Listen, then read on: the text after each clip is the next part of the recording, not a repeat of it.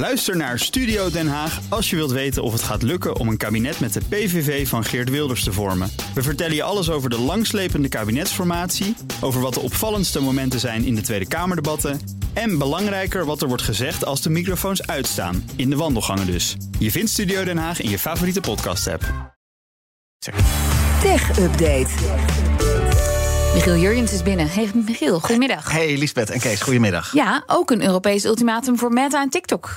Twee techreuzen, inderdaad, die binnen een week duidelijk moeten maken hoe zij nepnieuws en desinformatie bestrijden. En als ze dat niet doen, dan kan de Europese Commissie een officieel onderzoek instellen, dwangsommen Mhm. opleggen ook. Vorige week kreeg ook X, het Ja. voormalige Twitter, zo'n ultimatum. Nou, tegen X loopt inmiddels zo'n officieel Ja, want, Europees want onderzoek. eh, X kreeg toen 24 uur, 48 uur. Ja. Ja, dat is een beetje, beetje gek nog, hè? Ja. Eigenlijk een, week langer voor eh, Meta en TikTok. Ik weet niet precies waarom eh, dat is. Als ik daarachter kom, dan kom ik daarop terug. Het heeft allemaal te maken met de oorlog tussen Israël en Hamas. Uiteraard, eh, meer dan ooit is dat een informatieoorlog... met heel veel berichten die elkaar in rap tempo opvolgen. Alleen al op een medium als X gaat het de afgelopen week... echt om tientallen miljoenen posts die daar langskomen. We zien hoe traditionele media daar al mee worstelen. Zagen we dinsdagavond na de explosie bij het ziekenhuis in Gazastad... maar ook de sociale media hebben hele grote moeite om het allemaal Ja. bij te houden. Tot voor kort konden overheden dan eigenlijk alleen foei zeggen en meer niet. In Europa is er nu de Digital Services Act, Ja. de DSA. Die wet die verplicht grote techbedrijven om echt actief beleid te voeren tegen illegaal of misleidend materiaal. En dus heeft de Europese Commissie met die DSA nu een middel om ook bij Meta en TikTok informatie op te eisen over hoe ze dat dan doen. Ja, we hadden het al even over X. Eigenaar Elon Musk is zo klaar met Europese regels dat hij overweegt om X hier dan maar te blokkeren. Ja, gewoon uh, voetzie. En dan Ja. kunnen wij er niet meer bij eh, met z'n allen. Schrijft althans Insider, het eh, online magazine, op basis van bronnen rondom Elon Musk, de baas van X. Volgens Insider raakt Musk inderdaad steeds meer gefrustreerd over die DSA-regels. Waardoor hij intern in ieder geval één keer heeft geopperd om X dan maar onbeschikbaar te maken in de Europese Unie. Of om gebruikers uit de EU dan maar te blokkeren. Het is niet de eerste keer dat we zo'n dreigement van hem horen. Een jaartje geleden wierp hij dit ook op. Dat was vlak na de overname van Twitter, oktober vorig jaar. Het argument was toen dat dat kosten zou besparen, omdat de meeste gebruikers relatief ja, toch buiten Europa wonen. Ehm, het is inmiddels ook zo dat eh, Twitter een jaar geleden nog kantoren had in eh, de Berlijn en in andere Europese plaatsen. Nou, die zijn allemaal gesloten inmiddels. Dat personeel is ontslagen. Dus het zou niet Daar zo. hoeft het ook niet om eh, te laten. Ja. Nee, en het zou ook niet zo'n megaklus meer worden Nee. als je X hier wil afsluiten. Nu zou het dus ja, een manier zijn om zich simpelweg niet meer aan de DSA te hoeven houden. Maar hoe serieus moeten we dit nemen? Zou hij dat echt overwegen? Dat is lastig bij Elon Musk. Het X zal echt niet vandaag of morgen verdwenen zijn. Dat verwacht ik echt niet. De meeste gebruikers zitten in Amerika, het Verenigd Koninkrijk en Japan. Maar toch zo'n 10% van het X-verkeer dat komt uit Europa.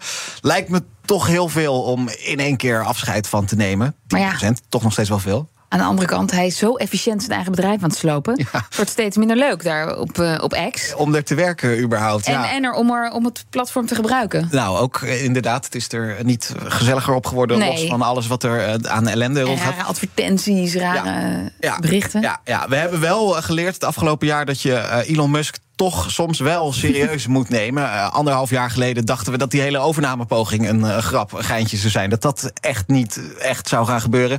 Eh, we dachten het betalen voor verificatievinkjes, dat is een proefballonnetje, dat gaat hij niet doen.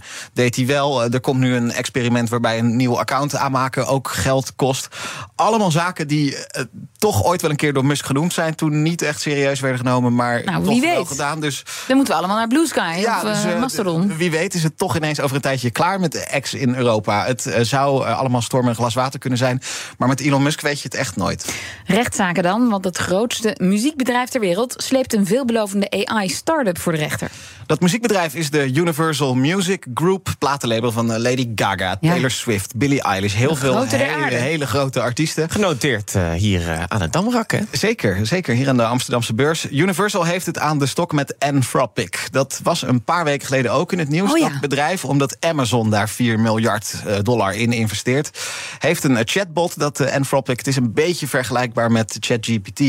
En dat is ook een beetje het verhaal met Amazon dat daarachter zit. ChatGPT, daar zit heel veel Microsoft geld in. En Amazon zet, nou ja, gokt dan een beetje op Anthropic in dit geval. Nou, die chatbot die zij hebben, die wordt veel gebruikt om muzikale composities te maken. Om artiesten een beetje te helpen, inspiratie op te doen. En daar gaat het mis, zegt Universal. Want dat beschuldigt Anthropic ervan dat het op grote schaal inbreuk maakt op het auteursrecht. Als je die chatbot vraagt om een bewerking van een bekende songtekst, dan krijg je kopieën van die songtekst te zien die eigenlijk niet of nauwelijks verschillen ah. van het origineel. Uh, terwijl, de, ja, de Lady Gaga die heeft een nummer geschreven. Ik kan niet zomaar die teksten overtypen en het zelf nee. uitbrengen. Dat, dat mag niet. Dus zo'n chatbot mag dat ook niet. Uh, die chatbot van Anthropic is in Europa nog niet beschikbaar. Dus ik heb het niet kunnen testen. Heb ik wel meteen even in ChatGPT gedaan, de grote concurrent. Ik vroeg gewoon, joh, geef mij eh, de songtekst van Pokerface van Lady Gaga. En dan krijg ik dus een foutmelding in ChatGPT. Dat is grappig. Dan zegt hij, ja, sorry, ik kan die tekst niet weergeven, want die is auteursrechtelijk beschermd. Dus dat oh. kan niet. Dus bij OpenAI, bij ChatGPT, hebben ze dat uh, nou ja, weten te voorkomen inmiddels.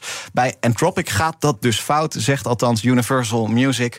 Uh, mooi detail, het gevoel voor drama in deze zaak. De zaak dient in Nashville. Ah, Toch de, Nashville, Tennessee. Ja, een soort van muzikale hoofdstad van de Verenigde Staten. Ik denk dan wel, sorry, ik snap dat je het wil tegengaan dat die teksten gekopieerd worden om in andere muziek te gebruiken. Ja. Maar ik vind dan ook wel raar dat als ik gewoon de tekst van een nummer wil hebben, ook bijvoorbeeld omdat ik liefhebber ben, dat dat dan vanwege auteursrecht niet beschermd, uh, niet getoond mag worden, omdat het beschermd is. Dat vind ik ook wel, dan, ga je, dan sla je wel een beetje door. Ja, ja, dat is ook een beetje scheef, want je kunt songteksten natuurlijk gewoon opzoeken op het internet. Songteksten.nl. Ja, precies. Maar ja, als je er dan zelf weer andere dingen mee gaat maken, dan wordt het. Het ligt waarschijnlijk heel erg aan de vraag, de manier waarop je de vraag stelt. Dankjewel, Michiel Jurjens. De BNR Tech Update wordt mede mogelijk gemaakt door Lenklen. Lenklen. Betrokken expertise, gedreven resultaat.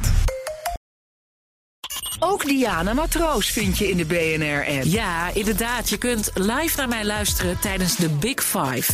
Ook handig in de BNR-app. Breaking nieuwsmeldingen, maar ook het allerlaatste zakelijke nieuws. En je vindt in de app alle BNR-podcasts, waaronder Wetenschap Vandaag. Download nu de gratis BNR-app en blijf scherp.